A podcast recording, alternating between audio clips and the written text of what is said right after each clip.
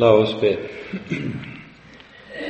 Ja, kjære gode Herre, nå ber vi at du på ny vil komme til oss med din Hellige Ånd, at du vil åpenbare dine ord for oss, at vi må få lov til å kjenne deg rett.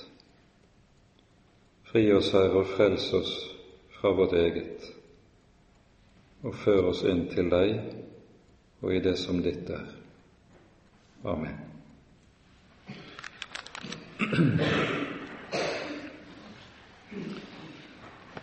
I eh, den forrige timen leste vi fra Johannes 12, der Jesus bl.a. sier i det 26. verset følgende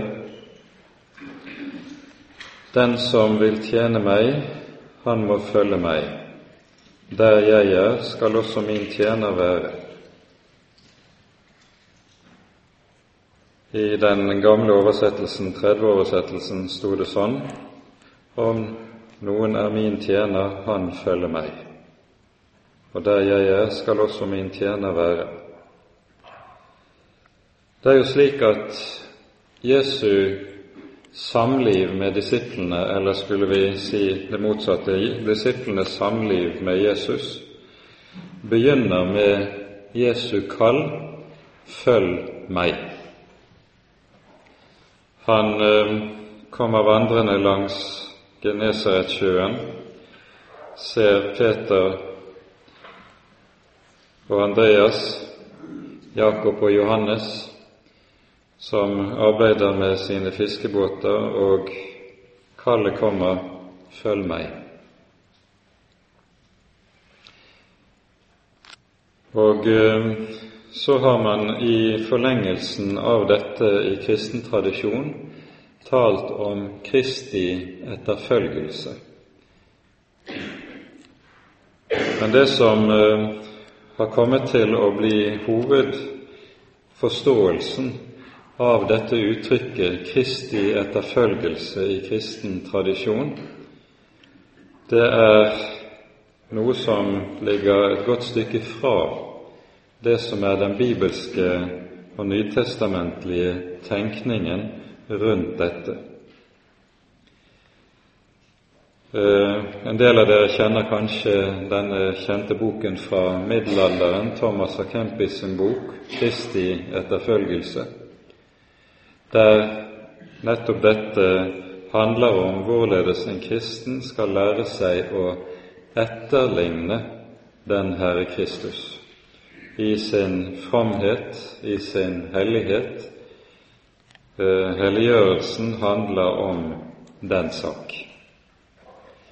Og Dermed blir Kristi etterfølgelse noe som kommer til å stå i lovens og jeg tror vi har lov til å si i loviskhetens tegn. I Det nye testamentet tenkes det ganske annerledes. Når Jesus sier sitt 'følg meg', så møter vi dette i Matteusevangeliet i kort form. 'Følg meg, så vil jeg gjøre dere til menneskefiskere' lyder det til fiskerbrødrene. I Lukasevangeliets femte kapittel er denne historien eh, fortalt mer eh, fyldig, nemlig hva som skjedde i forbindelse med at Jesus kaller disse fiskerbrødre til disipler. Og Da får vi et lite glimt inn i hva som ligger i noe av dette. Det er jo slik at Jesus ber om å få låne Peters båt. Det var så mye folk på stedet, så mye trengsel, at Jesus da får låne båten og setter seg i båten når han skal undervise folket. Og Det er også praktisk godt fordi lyden bærer godt over vannet, slik at alle kan høre godt. Og Etter at Jesus er ferdig med undervisningen, så sier han til Peter, legg ut på dypet og kast garnet til fangst. Og Peter svarer, Herre, vi har strevet hele natten og ingenting fått, men på ditt ord vil jeg kaste garnet. Jeg har fundert over hvordan dette Peters sitt svar er å forstå. Hvis vi tenker oss et øyeblikk inn i det som er situasjonen her, så tror jeg vi vil se litt tydelig hva det dreier seg om. Peter er yrkesfisker. Han er vokst opp ved sjøen. Hans far var fisker, og han har fulgt i farens fotspor. Han har vært på sjøen fra barnsben av. Og Peter vet hva fisket i Genesaretsjøen dreier seg om. Han vet for det første du får ikke fisk i Genesaret på lysedagen.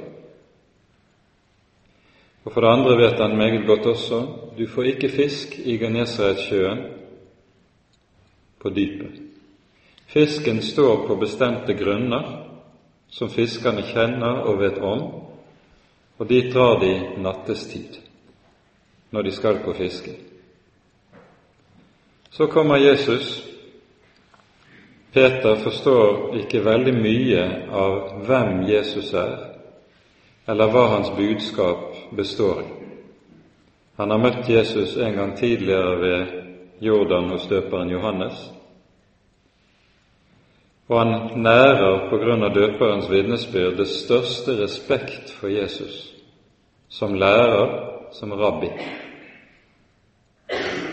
Men han vet også at denne rabbi han er vokst opp oppe i Nasaret som en liten fjellby i Øvre Galilea. Jesus er tømrer, han er ikke fisker.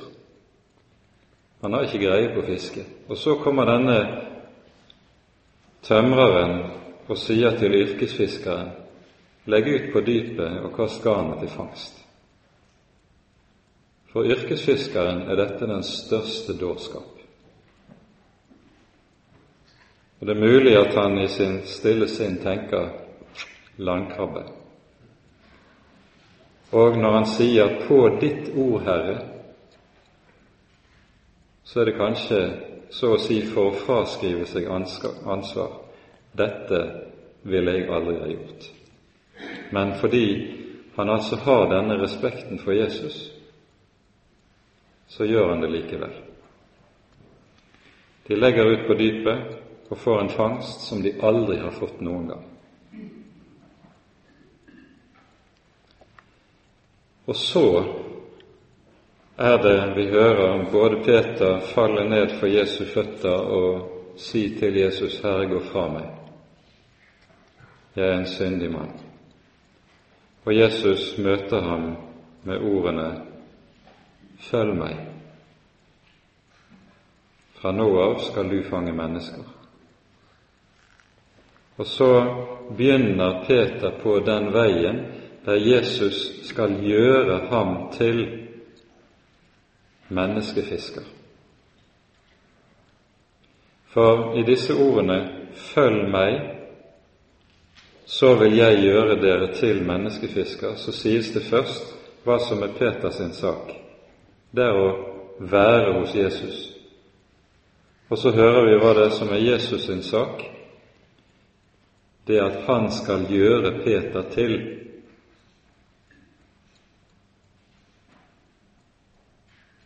Etterfølgelsen består altså ikke i at Peter skal etterligne Jesus, men etterfølgelsen består i at Peter skal være hos Jesus og så skal Jesus gjøre ham til noe han ikke er.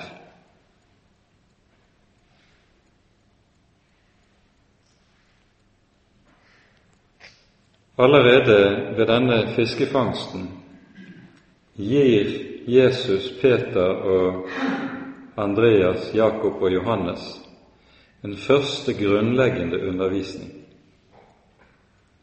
Og den handler om følgende, nemlig at selv på det området av livet der Peter mener han kan alt og vet alt som er å vite om en sak.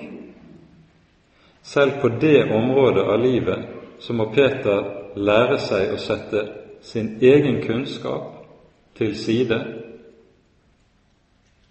til fordel for Jesu ord. Han må lære å sette sin egen erfaring til side, det han tror han kan og vet, selv på de områder der han er fagmann. For når Jesus sier så, da er det bare ett som gjelder på ditt ord, Herre. Og dette er jo det som er selve grunnleksen som ligger der for hele veien videre når disiplene nå skal følge Jesus i de tre, tre og et halvt årene som de får sammen før Jesus korsfestes og står opp. Det er de kommer inn i en skole hos Herren Jesus, som handler om at de gradvis vil bli fratatt alt det de tror de vet om Gud og Guds rike, og så å si lære på nytt i Jesus skole. Etterfølgelsen kommer til å bestå av én ting. De er der Jesus er, og får se Hans herlighet. Gjennom å lytte til Hans ord ser de Hans herlighet. Gjennom å se Hans gjerninger ser de Hans herlighet. Og Jesu undervisning av disiplene kommer om igjen og om igjen til å bli noe som frarøver dem alt de tror de vet. Peter, et, som jo hele veien gjennom evangeliene er talsmann for de øvrige apostlene. Han samler liksom deres måte å tenke på i en sum gjennom disse innspill som vi stadig møter gjennom hans spontane ord i ulike sammenhenger. Og kanskje møter vi noe av det som er eh, kjernen i Jesu stell med og undervisning av disiplene i det som skjer når Peter har avlagt sin bekjennelse. I Matteus 16 er det vi hører Jesus begynner å gå avsides med disiplene på grunn av den veldige motstanden som er vokst frem blant fariseerne og folkets ledere og så går han avsides mer og mer for å kunne være i fred med undervisningen av disiplene. Og Så spør han dem ved Cesarea Filippi hvem sier folk at jeg er? Og de får høre noen så og noen så. Men dere, hvem sier dere at jeg er? Du er Messias, den levende Guds sønn, sier Peter. Og så svarer Jesus ham, Salig er du, Simon, Jonas' sønn. Dette har ikke kjøtt og blod åpenbart deg, men min Far i himmelen. Og jeg sier deg, du er Peter, og jeg gir deg himmelrikets nøkler.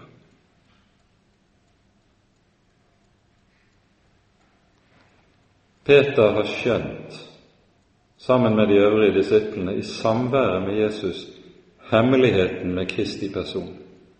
Du er Messias, den levende Guds sønn. Dette har ikke kjøtt og blod åpenbart deg, sier Jesus, men min Fars ånd i himmelen. Ingen skjønner hvem Jesus er uten Den hellige ånds opplysning. Som med Peter, så med oss. Så løfter Jesus like som Peter opp og sier 'Salig er du'. jeg gir deg himmelrikets nøkler. Og så står det i fortsettelsen fra den tid av. Altså fra det tidspunkt at disiplene har skjønt hvem Jesus er. Fra den tid av begynte Jesus å gi disiplene til kjenne at han skulle gå opp til Jerusalem, lide meget av de eldste og ypperste prestene, korsfestes og stå opp den tredje dag. Peter tar Jesus til side, og så står det han begynte å irettesette ham. Grunnteksten bruker et veldig sterkt uttrykk. Han begynte å refse Jesus, står det i grunnteksten, og sier dette må aldri skje deg, Herre.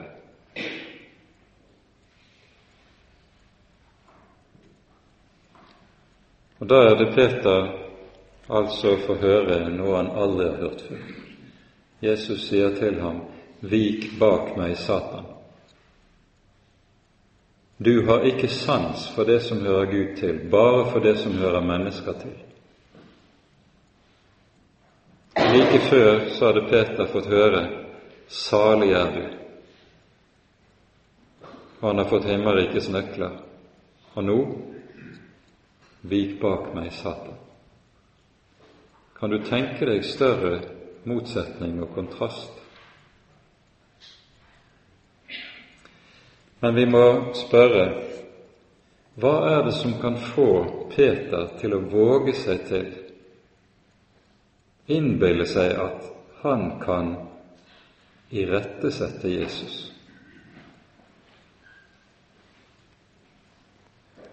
Kanskje det er den tanke som ligger oss alle meget nær, hvis vi er kommet inn i Herrens tjeneste på det ene eller det andre området. At når Herren har kalt meg, så er det fordi Han har bruk for meg. Han har bruk for mine emner, evner, på ulike områder. Jeg har alle forutsetninger for det. Saken er i Guds rike sammenheng.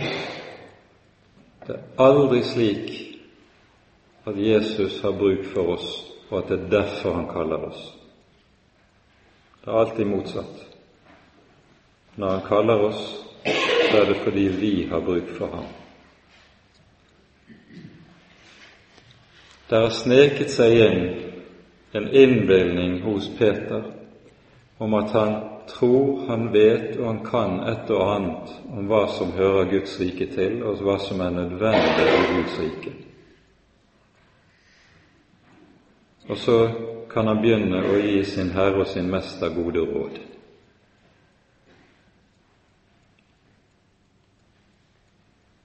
Denne hovmodige ånd, det er den som går igjen overalt i Kirkens historie, der menneskene ikke vil bøye seg for Herrens ord, men på en eller annen måte vil forbedre det. Det er et hovmod som tenker at 'jeg vet best', og irettesetter Herren. Nå skal vi legge merke til Jesu måte å uttrykke seg på overfor Peter. Han sier ikke til Peter sånn som han sa til fristeren i ørkenen Vik fra meg, Satan. Men han sier, Vik bak meg. Hva kommer den forskjellen fra? Jo, til djevelen må Jesus si, Vik fra meg. Fordi djevelen har intet i ham og intet med ham. Men Peter han er blitt djevelens tjener når han har begynt å gå foran Jesus i den tro at han kan vise vei for Jesus. Og så må Jesus vise ham hvor han skal være. Ikke som den der løper foran Jesus, men den som går bak ham, følger etter ham det er Jesus som skal gå foran. Og samtidig, når han sier Satan, så sier han også hvem han er redskap for når han våger seg til å si dette. For Satan er og blir korsets fiende. Og kan han, kunne han holde Jesus borte fra korset,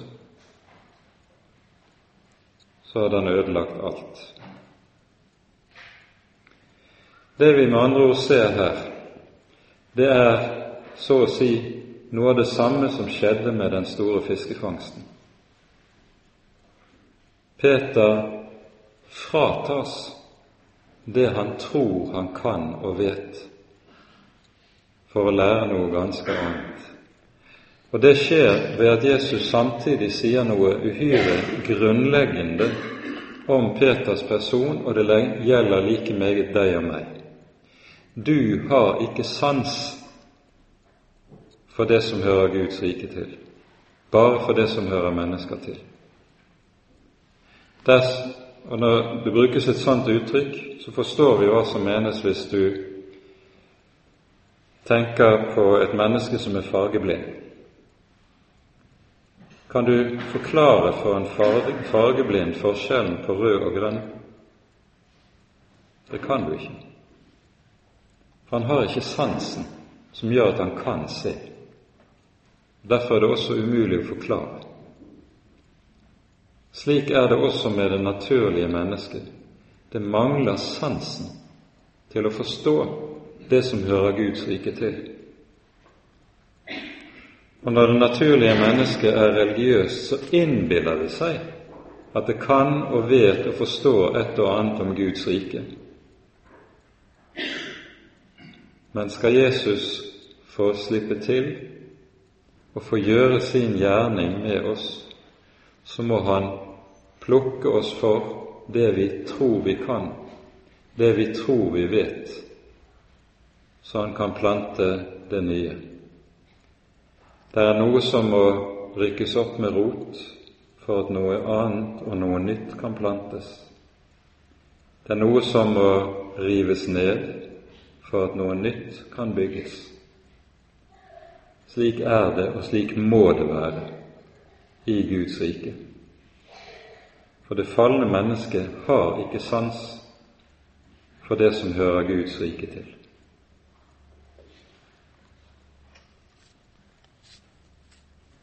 Dette er, måte, dette er tanker eller saker som er helt sentrale i Den hellige Skrift. Den Herre som vi tilhører, er annerledes, annerledes enn oss. Derfor lyder det i Jesaja-bokens 55. kapittel disse ordene som jeg tror er helt grunnleggende for alt som har med Guds rike å gjøre. Vi tar oss tid og leser disse versene. Jesaja 55.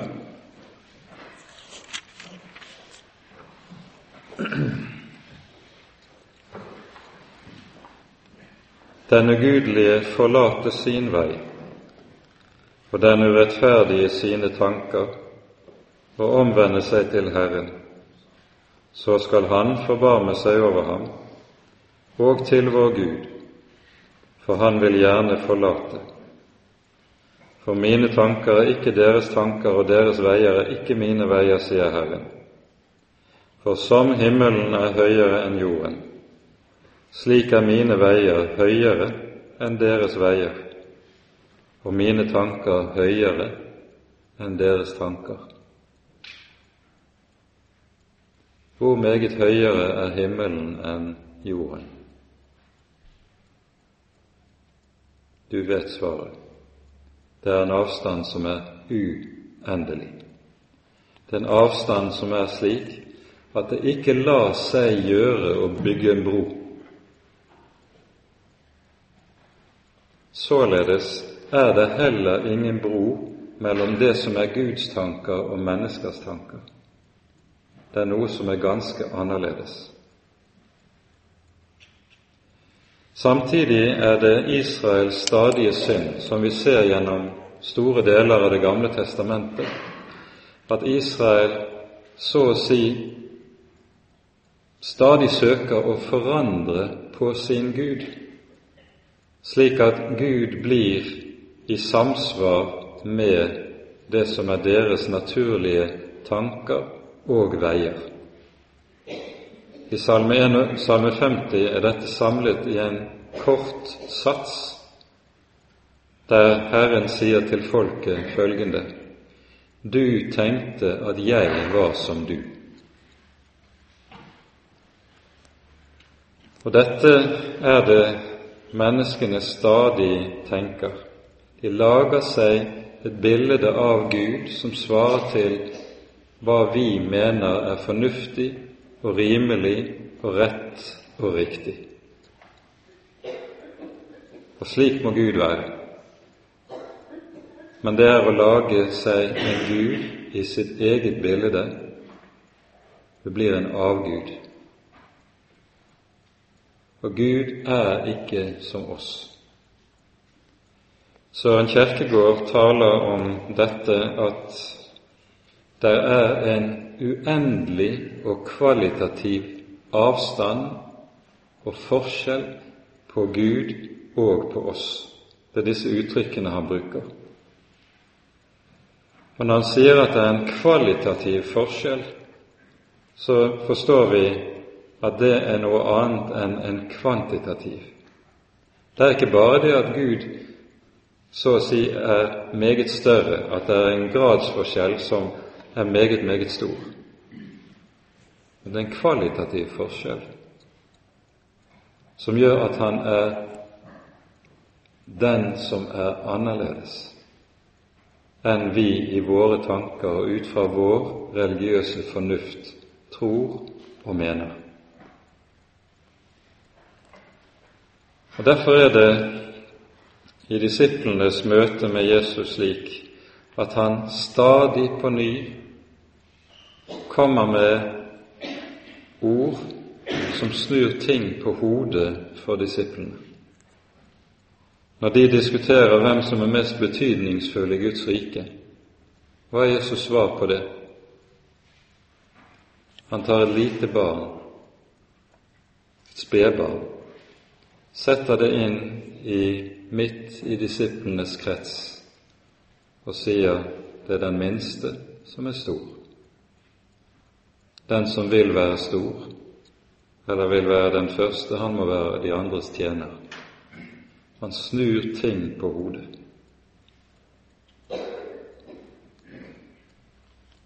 Dette er Vi ser det i eh, evangeliene denne Jesu stadige undervisning av disiplene på disse ting. Det kommer på ny og på ny på tvers av disiplenes egne tanker. Og vi forstår hvorfor det lød sånn som vi hørte det.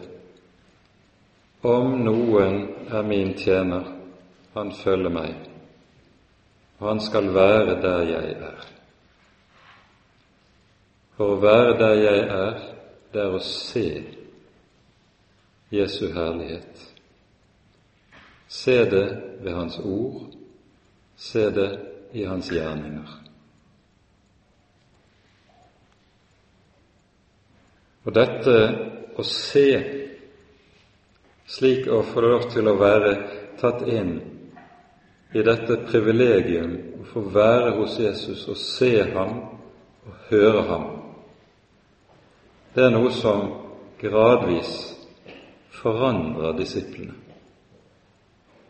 og forandrer dem radikalt og grunnleggende. I eh, andre Korinterbrev kommer Paulus inn på noe av dette i det han peker på hva det å se Jesus egentlig fører med seg i et menneskes liv. Det står i 2. Korinterbrevs tredje kapittel. Vi som med utildekket ansikt ser Herrens herlighet som i et speil. Vi blir alle forvandlet til det samme bildet, fra herlighet til herlighet, som av Herrens ånd. Her taler apostelen om et syn som virker forvandlende på det mennesket som ser det. Det Paulus taler om i denne sammenheng, det er evangeliet. Andre Korinterbrevs tredje kapittel handler om forskjellen på loven og på evangeliet. Dette er to ord som begge er bærer av Guds herlighet, men på hver sin måte. Loven har én herlighet, evangeliet en annen herlighet. Og Forskjellen på disse to er at loven døder og slår i hjel, evangeliet gjør levende og gjør fri. Og det å skue Herrens herlighet, som vi leste i dette siste verset i kapittel 3, da det taler om å se Herrens herlighet i evangeliet. Det står 'vi som med utildekket ansikt ser Herrens herlighet som i et speil'. Hvorfor bruker han dette ordet 'som i et speil'? Vi vet hva som skjer når du ser i et speil. Da ser du noe som er speilvendt. Du ser motsatt vei, liksom. Og Herrens herlighet i evangeliet er av en slik art at det liksom er noe speilvendt med det. I forrige time talte vi om å se Gud bakfra. Det er noe av samme sak. Det er en herlighet som har det med seg som står i Jesaja-bokens 53. kapittel. Han hadde ingen skikkelse og ingen herlighet. Han hadde ikke et utseende så vi kunne ha vår lyst i ham. Altså, evangeliet har en skikkelse som er en ringe skikkelse. Det ser smått ut, det ser puslete ut, for den som for vantroen er det noe som er slik at dette her er jo ingenting. Man kan trekke på skuldrene av det eller smile overbærende for dem som taler et slikt evangelium. Men for troen, som ser i et speil, den ser Herrens herlighet og så forvandles. Det skapes en forvandling. Og det er det som disiplene får lov til å oppleve i disse årene der de vandrer sammen med den Herre Jesus. De ser ham. De ser Hans herlighet. Og så skaper samværet med Kristi person en forvandling hos dem som gjør at de til slutt kan kalles for menneskefiskere. Jeg vil gjøre dere til. Og hvordan arter det seg? Alle de fire evangeliene slutter på en eller annen måte med en slags misjonsbefaling. I Matteusevangeliet har vi dette som også kalles for dåpsbefalingen, som lyder slik:" Meg er gitt all makt i himmel og på jord. Gå derfor ut og gjør alle folkeslag til disipler, idet dere døper dem i Faderens, Sønnens og Den hellige ånds navn, og lærer dem å holde alt jeg har befalt dere. For se, jeg er med dere alle dager inntil verdens ende. Hva er det viktigste ordet i denne teksten, i disse tre bibelversene? Det viktigste ordet her, det er ordet 'derfor'. Jesus sier 'meg er gitt all makt'. Gå derfor ut. Poenget er hvem er disse elleve som får høre denne befaling? De får en befaling som sier 'gå ut og gjør alle folkeslag til disipler'. Hvilke forutsetninger har disse for å løse denne oppgaven? De har ingen. Har de penger, sånn at de har ressurser å gå på? Nei. Har de venner i høye stillinger som kan beskytte dem? Nei. Har de noen som kan stå bak dem og backe opp med ressurser som de behøver? Nei. De har ingenting. De mangler alle forutsetninger for å løse denne oppgaven. Det Jesus gir dem, er en befaling som er umulig for dem å løse. Men det står altså 'derfor'. Meg er gitt all makt i himmel og på jord. Gå derfor ut. Dere har mangler alle forutsetninger for å gjøre det, men jeg har all makt. Derfor kan du gå. Det handler altså om at de sendes ut med, i denne befalingen i avhengighet av at det er sant at Jesus har all makt, at Jesus står inne for disse ordene og dag for dag vil sørge for å oppfylle det han har lovet når han sier 'Jeg har all makt'.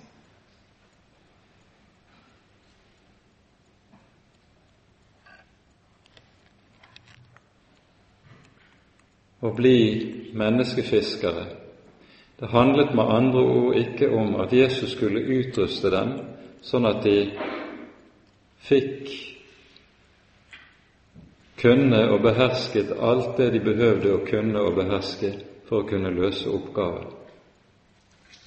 Å bli menneskefiskere bestod i å bli ført inn i en avhengighet av at det Jesus sa, var sant.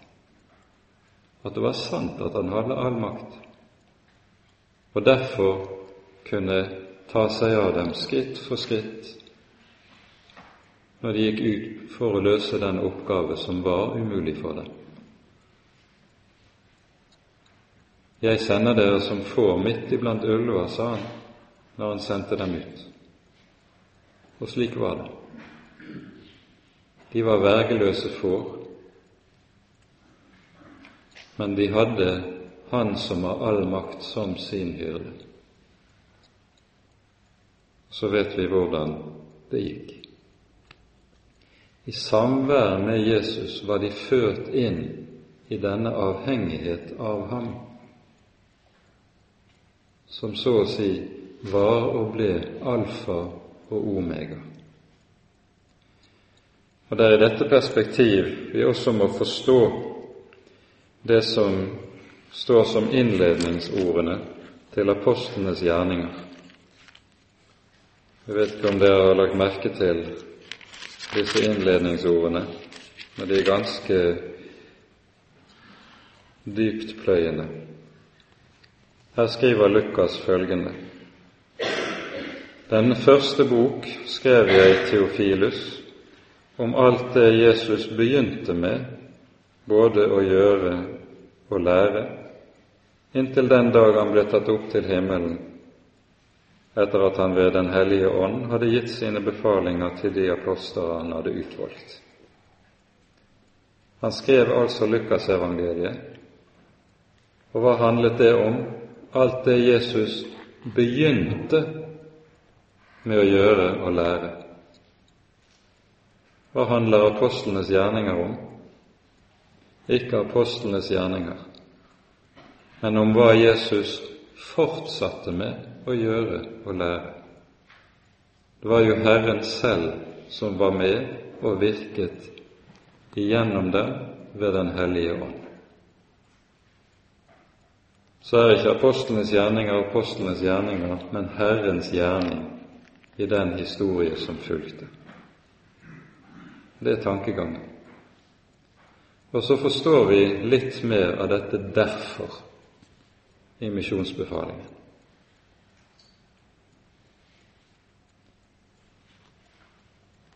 Det syn som skuer Herrens herlighet, det er et syn som begynner her i verden, her i tiden, der vi i evangeliet ser Herrens herlighet som i et speil.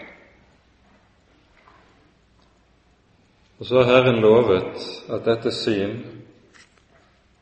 skal vi en dag få lov til å få fullbyrdet i det som vi leser i 1. Johannes brev i det tredje kapittel. Her leser vi følgende Se hvor stor kjærlighet Faderen har vist oss, at vi skal kalles Guds barn, og det er vi. Derfor kjenner verden ikke oss, fordi den ikke kjenner ham.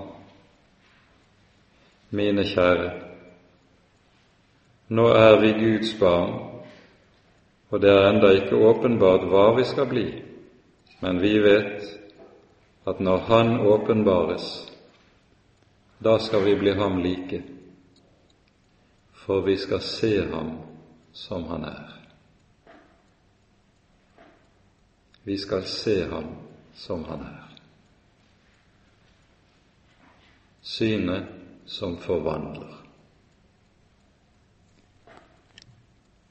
Det syn som det her er tale om, det er ikke lenger som i et speil. Når Moses på fjellet får høre Mitt åsyn kan du ikke se, for intet menneske kan se meg og leve, så er jo det et ord som henger sammen med at det å se og møte den levende Gud ansikt til ansikt, det er noe som et syndig menneske ikke kan. Vårt vesen ville bryte sammen i det synet. For Guds hellighet er så veldig, så fortærende, at vi her i tiden ikke kan møte Gud direkte. Dersom jeg har brukt dette bildet når vi har undervist konfirmanter om noe av dette. Om du på høylys dag på sommeren prøver å stirre inn i solen, hvordan vil det gå med øynene dine da? Ser du et lite øyeblikk, blendes du. Prøver du å stirre inn i solen, vil øynene ødelegges, de tåler det ikke. Hvor meget mindre tåler våre øyne å se inn i ham, se ham som har skapt alle universets myriader av soler og galakser. Han som er en fortærende ild i sin veldige hellighet. Her i tiden kan vi ikke. Men det Skriften gir oss som løfte, det er at en dag skal vi se ham som han er det er det syn som forvandler alt, og vi skal bli ham like. Det er løftet. Da ser vi Hans herlighet, ikke bare som i et speil. For saligheten er, slik åpenbaringsboken også taler om det i sitt siste kapittel, saligheten er dette å skue Gud.